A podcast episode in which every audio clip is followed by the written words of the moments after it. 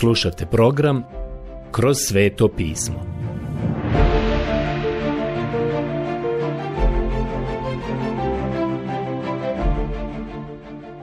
Knjiga Izlazak. Odlomak Izlazak, poglavlje 12 od 13. do 51. stiha. Prijatelji, prošli put smo govorili o prazniku Pashe. Sjetit ćete se da smo došli do 13. stiha a ja ću ponovo pročitati 12. stih. Krv na kućama u kojima stanujete bit će vam zaštitni znak. Kad vidim krv, proći ću mimo vas. Među vama neće biti pomora kad stanem ubijati po egipatskoj zemlji. Knjiga izlaska 12.13 Ovo su uputstva koja je Bog dao i rekao je da će proći pored kuća na kojima vidi krv. To uopšte nije bio neki mistični niti praznomjerni znak. Postoji jedno veliko načelo koje se provlači kroz cijelu riječ Božju, a ono glasi Bez prolijevanja krvi nema oproštenja grijeha. Drugim riječima, Bog ne može proizvoljno ili velikodušno zatvoriti oči pred grijehom i ne učiniti ništa u vezi sa njim. Baš kao što to ne može učiniti sudija kada se pred njega izvede neko ko je kriv, Sudija tada treba primijeniti zakon, a onaj ko je kriv treba platiti kaznu. Ja mislim da je danas naš problem u Americi labavost koja je nastala u sprovođenju zakona. Važno je da znamo da je u Božijem svemiru zakon neumoljiv. Duša koja sagriješi mora umrijeti. Stoga neko mora životom platiti za mene grešnika. Vidite, smrtna presuda je na svima nama. Ukoliko prihvatite Krista vjerom, bit ćete spašeni. Te noći u Egiptu, u svakom domu, dogodila se smrt prvorođenih. Anđeo smrti je prošao, a krv je bila pokazatelj vjere. Njezino nanošenje na dovratnike je bilo pokazatelj vjere. To govori o neophodnosti da se ima lična vjera. I to je sve što je bilo potrebno nisu stavili krv na dovratnike i učinili još nešto drugo da doprinesu svojim dobrim dijelima. Nisu prinijeli žrtvu kao Kain. Sve što je bilo potrebno je jednostavno bilo ovo.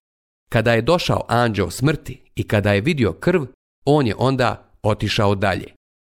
Uslijedio je praznik Pashe, a kada dođemo do Levitskog zakonika, vidjet ćete da će tamo biti dana uputstva za Pashu a zatim i za praznik besklasnih kruhova, koji je zapravo bio dio toga, ali se održavao nakon pashe. Sada ću da pročitam stihove 14 i 15. Taj dan neka vam bude za spomen. Svetkujte ga u čast gospodinu. Svetkujte ga od koljena do koljena kao vječnu ustanovu. Sedam dana jedite beskvasan kruh. Odmah prvog dana uklonite kvasac iz svojih kuća jer svaki koji bude što kvasno je od prvoga do sedmoga dana, bit će istrijebljen iz Izraela. Knjiga izlaska 12, do 15. Ovo zapravo nema nikakve veze s anđelom smrti koji prolazi. Ovo je bila svetkovina zajedništva svih onih koji su bili u tome. Bilo je to prekrasno vrijeme druženja. Naravno, bila je to i dužnost. Bog je to zapovjedio. Bila je to također i privilegija, ali nije imala nikakve veze sa njihovim spasenjem. To je imalo veze sa činjenicom da su trebali imati zajedništvo sa Bogom. Sada ćete primijetiti da oni ne smiju jesti hljeb s kvascem. O tome se počinje govoriti ovdje u 17. stihu. Zapisano je sljedeće. Tako dakle, svetkujte svetkovinu beskvasnih kruhova, jer upravo tog dana izvedoh vaše čete iz egipatske zemlje. Zato držite taj dan kao vječnu ustanovu, od koljena do koljena. Knjiga izlaska 12.17 Izraelci su jeli beskvasni hljeb dok su marširali pustinjom. Tako su započeli u pashalnoj noći i onda su jeli beskvasni hljeb narednih sedam dana. I primijetite da je to beskvasni hljeb, ako bi jeli hljeb s kvascem, bili bi odbačeni. To znači da su bili isključeni iz zajedništva. Ne bi uopšte bilo zajedništva. Ovdje je zapisano načelo u vezi s kvascem. Kvasac se ovdje spominje otprilike nekih 8 ili 9 puta od 14. pa do 20. stiha. Dopustite mi da pročitam 19. i 20. stih. Sedam dana neka se ne nađe kvasac u vašim kućama. Svaki koji bude jeo što kvasno, bit će istrijebljen iz izraelske općine, bio tuđinac ili urođenik u zemlji. Ništa kvasno ne smijete jesti. U svim svojim stanovima jedite samo beskvasan kruh. Knjiga izlaska 12, 19 do 20. Ovo je veoma važno jer se ovdje postavlja načelo koje vrijedi čak i onda kada pređete na novi zavjet. On ne prestaje da važi i niti znači suprotno. Kvasac je princip zla. Predstavlja zlo. Predstavlja ono što je uvredljivo. Sada ćemo imati priliku ponovno se pozvati na to. Ali kada dođete do 13. poglavlja Evanđelja po Mateju, možete čitati o ženi koja je stavila kvasac u tri mjerice brašna. Taj kvasac nije evanđelje, niti može biti, jer kvasac je simbol zla. Zapravo, tri mjerice brašna su riječ Božja, a u nju je danas stavljen kvasac koji predstavlja zlo. Nastala je nezdrava doktrina. Ja sam apsolutno začuđen kada vidim kolika je količina pogrešaka u onome što se danas uči i koliko su lakovjerni ljudi koji samo tako to prihvataju. Toliko je danas mnogo prevara i zabluda koje zvuče i izgledaju mnogo bolje od nas koji samo pokušavamo podučavati jednostavnu riječ Božju. Saznaćete da imamo svoje probleme, dok ih kultovi i razni izmi i učenja nemaju. Oni uopšte nemaju problema. Prijatelji, ovo o kvascu koji predstavlja zlo jeste učenje koje je stavljeno u Božju riječ. Svi kultovi i izmi koriste Bibliju, ali zajedno sa njom stavljaju i dodaju malo kvasca. To je ono što je sinovima Izraelovim rečeno da izbjegavaju. Kada je naš gospod govorio o tome da to ne može biti dobro, jasno je tada rekao Čuvajte se farizejskog kvasca, Njegovi učenici su tada zapravo mislili da je on govorio o fizičkom hljebu. Kasnije su shvatili da je mislio na farizejsku nauku. To načelo je zapisano ovdje, da malo kvasca ukiseli svo tijesto. Beskvasni hljeb nije ukusan. Danas ima mnogo ljudi koji ne vole proučavanje Biblije. Vidim to. Veliki broj ljudi voli dolaziti u crkvu zbog društva i zajedništva, zbog muzike ili zbog toga što se okupljaju na lijepom mjestu, ali ne vole se okupljati radi proučavanja riječi Božje. Oni ne žele riječ Božju jer beskvasni hljeb zapravo i nije baš tako ukusan. Vraćamo se na naš tekst i čitamo šta Bog kaže u 22. stihu. Uzmite snop izopa, močite je u krv uzdjeli i krvlju uzdjeli pomažite gornji prag i oba dovratnika. Nitko od vas neka ne izađe na vrata svoje kuće do jutra. Kada onda izađe gospodin da pobije Egipat i vidi krv na gornjem pragu i na oba dovratnika, proći će gospodin mimo vrata i neće dati anđelu pogubitelju da uđe u vaše kuće da ubija. Knjiga izlaska 12, do 23.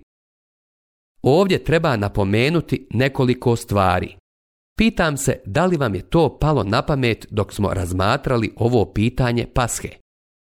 Do sada smo već dva puta govorili o stavljanju krvi na dovratnike. Da li ste se zapitali kako su oni to uradili? Kako su krv stavili na dovratnike? Uz pomoć izopa. Izop je mala biljka koja raste oko kamenja na vlažnom mjestu. To je vrsta male biljke koja je pahuljasta, koja se umakala u krv i zatim se njome krv nanosila na dovratnike. Bila je to neka vrsta četkice. Izop za mene predstavlja vjeru. To je način na koji se krv primjenjuje na vaše i moje srce i život. Neko kaže, kako to primijeniti? Vjerom. Vjerovati u ono što je Krist učinio za nas kada je umro za nas. Dakle, ovdje vidimo da Bog ide u mnogo detalja kada tim ljudima govori o tome kako trebaju postupiti u ovo određeno vrijeme. Daje im konkretna i specifična uputstva. Zatim u 29. stihu vidimo da je u pitanju posljednji sud, posljednja pošast koja dolazi na Egipat. I Bog je pripremio svoj narod kako da to izbjegnu i kako da se zaštite od toga. Pokrajina Gošen je izbjegla posljednje tri pošasti, ali njeni stanovnici sada neće izbjeći pošast koja dolazi, osim ako ne budu imali krv na svojim dovratnicima. Svaki Egipćanin je također mogao staviti krv na svoje dovratnike. Sve što je trebao učiniti bilo je vjerovati Bogu i anđeo smrti tada ne bi ušao i pitao da li si ti Izraelac? To će jednog dana iznenaditi mnoge ljude kada saznaju da ih gospod neće pitati za ime crkve kojoj su pripadali na zemlji, jer ako su vjerovali Kristu, duh Božiji ih je krstio u tijelo vjernika i danas je to prava i istinska crkva. Deseta pošast. Smrt prvorođenaca. Hoćete li sada obratiti pažnju? Pročitat ću 29. i 30. stih. Još smo u 12. poglavlju knjige Izlaska. U pola noći dogodi se da gospodin pobi sve prvorođence u egipatskoj zemlji. Od faraonova prvorođenca koji bi ga bio naslijedio na prijestolju pa do prvorođenca sužnja koji je ležao u tamnici. Isto tako sve prvine od stoke. U onoj noći ustade faraon sa svim svojim slugama i sa svim Egipćanima i nastade veliki jauk u Egiptu. Jer nije bilo kuće u kojoj nije ležao mrtvac. Knjiga izlaska 12, Vidite, umrli su prvorođenci u svakoj kući. Ovo je bio posljednji sud. Drugim riječima, Bog do ove tačke nije dirao ljudski život, nije oduzimao ljudski život. Ali sada on to čini. Nemojte reći da je Bog ubica. Gospod daje i gospod uzima. Blagoslovljeno neka je ime gospodnje. Pogledajte knjigu o Jobu 1.21. Kada budete mogli stvoriti život, tada ćete ga moći i oduzeti, ali pričekajte dok to ne budete mogli učiniti. Hoćete li sada obratiti pažnju na 30. stih? U onoj noći ustade faraon. Vidite, ovo je bilo nešto što je bilo tragično. Sada čitamo stihove 31 i 32. Još u noći dozva on Mojsija i Arona i reče, ustajte, idite iz naroda mojega, vi i Izraelovi sinovi. Otiđite, služite gospodinu kao što ste molili i svoje ovce i goveda uzmite sa sobom kao što ste zahtijevali. Idite pa molite i zame blagoslov. Knjiga izlaska 12.31 do 32. Jadni faraon sada je morao odustati do ovog trenutka je odbijao izaći u susret Mojsiju i Izraelcima, ali ono što se sada dogodilo dosegnulo je do njegovog vlastitog sina. Vjerujte mi, u takvim situacijama stvarno dopirete do ljudi. Kao što znate, Bog nije započeo sa ovom pošašću. Počeo je još ranije čudom kada bi Mojsije jednostavno bacio štap. I taj štap je postao zmija ili krokodil. To je već mogla biti dovoljna poruka za faraona. Da je samo vjerovao Bogu i pustio djecu Izraelovu da mogu izaći. Poštedio bi svoj narod stradanja i pošasti. Stoga ne krivite Boga. Bog mu je slao poruke da oslobodi djecu Izraelovu, što je on oklijevao učiniti. A Egipćani? Čitam sada 33. stih. Egipćani su navaljivali na narod da brže ode iz zemlje, jer su mislili, svi inače pomrijesmo. Knjiga izlaska 12.33 Naravno, oni nisu znali gdje će sve ovo ići i kako će se završiti, šta će uslijediti. Ako je Bog sada uzeo prvorođence, šta bi sljedeće mogao učiniti? Sljedeća stvar bi bila donijeti smrt svim Egipćanima. Zbog toga su faraon i egipćani rekli, želimo da odete odavde jer se bojimo što će biti sljedeće. Tako uze narod svoje tijesto još prije nego uskisnu. Načve, umotane u njihove ogrtače, ponesoše na ramenima. Sinovi Izraelovi učiniše po uputi Mojsjevoj i izmoliše od Egipćana srebrnih i zlatnih dragocjenosti i haljina. Knjiga izlaska 12, 34 do 35. Ovo uzimanje dragocjenosti od Egipćana znači da oni naplaćuju dug. A gospodin je bio učinio da Egipćani budu naklonjeni prema narodu, tako da im ispuniše molbe. Doslovno znači tražili su, a Egipćani su im dali. Tako uzeše plijen od Egipćana. Knjiga izlaska 12.36. Zapravo, Egipćani su im toliko dugovali pa su im prilikom odlaska dali mnogo dragocjenosti. Sada čitam 37. stih. I otiđoše sinovi Izraelovi od Ramsesa u Sukot, oko 600.000 pješaka samih ljudi, ne uračunavši žene i djecu. Knjiga izlaska 12.37. Sada možete vidjeti gdje je dr. Kyle pronašao brojeve i na temelju čega je napravio svoju procjenu kada je pokušao utvrditi broj Izraelaca koji su izašli iz zemlje Egipta. Koliko ih je izašlo iz egipatske zemlje? Doći ćemo do toga kada zapravo dođemo do knjige brojeva, ali čini se da je iz egipatske zemlje izašlo više od milion ljudi. Bilo je 600.000 pješaka koji su bili muškarci. Ovo se nije odnosilo niti uključivalo žene i djecu. Ovdje je sada naša pažnja usmjerena na nešto drugo. Čitamo sada 38. stih. Ali i mnogo naroda što pritječe zaputi se s njima, i ovce i goveda, silna množina stoke. Knjiga izlaska 12.38 Sada će ovo šarenoliko mnoštvo naroda biti problem u taboru. Ko je sve bio dio tog šarenolikog mnoštva naroda? Dopustite mi da sada zastanem samo nakratko, a u knjizi brojeva u 11. poglavlju ću detaljnije govoriti o njima, jer su oni pravili probleme. To su zapravo bili mješanci. Neki Egipćanin se oženio izraelskom djevojkom ili je Izraelac oženio Egipćanku, neku sluškinju. A onda je tu bilo i potomstvo. Sada se nameću i dolaze neka pitanja. Sve dok su oni živjeli u zemlji Egiptu, nije bilo pitanja, nije bilo odluka za donošenje. Ali šta će sada učiniti? Hoće li neko kojem je mješanac? Hoće li ići sa sinovima Izraelovim ili će ostati u Egiptu? Mnogi od njih nisu znali. Mnogi od njih nisu išli sa Izraelcima. Neki su mislili da bi trebali ići. A onda su se pitali kada je postalo teško i neprijatno, pitali su se da nisu možda pogriješili. I oni su se među prvima bunili. Usput da kažem, oni nisu bili Izraelci u pravom smislu te riječi. To je i danas veliki problem za Izrael. Taj miks, na primjer, ukoliko je majka poganka, da li to znači da su potomci Izraelci? Da li su oni građani Izraela? To je uvijek bio problem i uvijek im je to stvaralo probleme. Želim da kažem da to isto imamo u crkvi. Imamo ljude koji se pridružuju crkvi, ali nisu spašeni. Oni su samo dio mješovitog mnoštva naroda i uvijek prigovaranje i nevolje dolaze od takvih ljudi.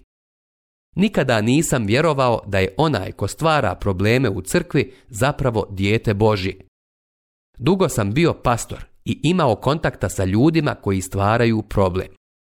Dobro je razumjeti šta se podrazumijeva pod onima koji prave probleme, ali o tome ćemo detaljnije govoriti kada dođemo do 11. poglavlja knjige brojeva, a to je tek ispred nas. Ovdje sada vidimo da djeca Izraelova odlaze, oni kreću. Čitamo sada 39. stih. Od tijesta što su ga bili ponijeli sa sobom iz Egipta, ispekoše pod pepelom beskvasne pogače, jer nije bilo uskislo kako su ih bili potjerali Egipćani pa se ne mogaše dulje zadržati i spremiti sebi brašnjenice za put. Knjiga izlaska 12.39 Drugim riječima, sinovi Izraelovi zapravo nisu bili pripremljeni za putovanje. Vrijeme što su ga sinovi Izraelovi proboravili u Egiptu bilo je 430 godina. Kad se navrši 430 godina, upravo u taj dan izađoše sve gospodnje čete iz egipatske zemlje. To je bila noć bdjenja za gospodina, kad ih izvede iz egipatske zemlje. To je noć koju moraju u čast gospodinu svetkovati svi sinovi Izraelovi od koljena do koljena. Knjiga izlaska 1240 do 42. Kao što smo prije rekli, Pasha je najstarija svetkovina. Najstariji od svih vjerskih praznika u današnjem svijetu a seže u prošlost sve do izlaska iz egipatske zemlje. Izraelci nikada ne smiju zaboraviti šta se tada desilo, sve dok kralj ne dođe i dok se ne uspostavi hiljadugodišnje kraljevstvo. A onda će to zaboraviti. Vidjet ćemo više o tome kasnije. Rečeno nam je da su samo oni koji su bili Izraelci trebali jesti pashu. U stihovima 47 i 48 još nam je rečeno sljedeće. Sva općina Izraelaca mora je tako obdržavati. A ako je kod tebe tuđinac i hoće svetkovati pashu u čast gospodinu, onda se moraju svi muški obrezati. Tada smije doći na svečanost i vrijedit će kao domaći. Ali neobrezan ne smije od nje jesti. Knjiga izlaska 12, 47 do 48.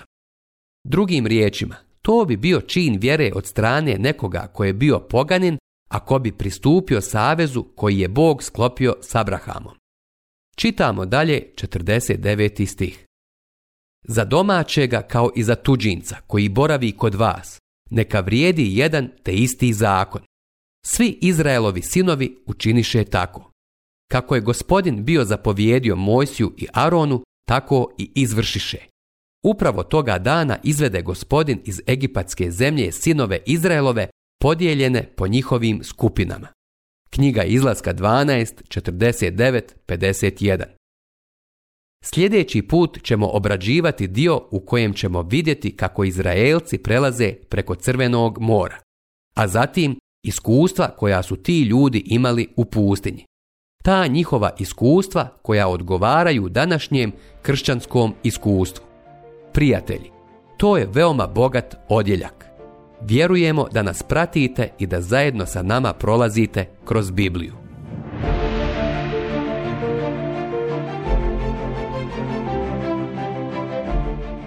Slušali ste emisiju Kroz sveto pismo.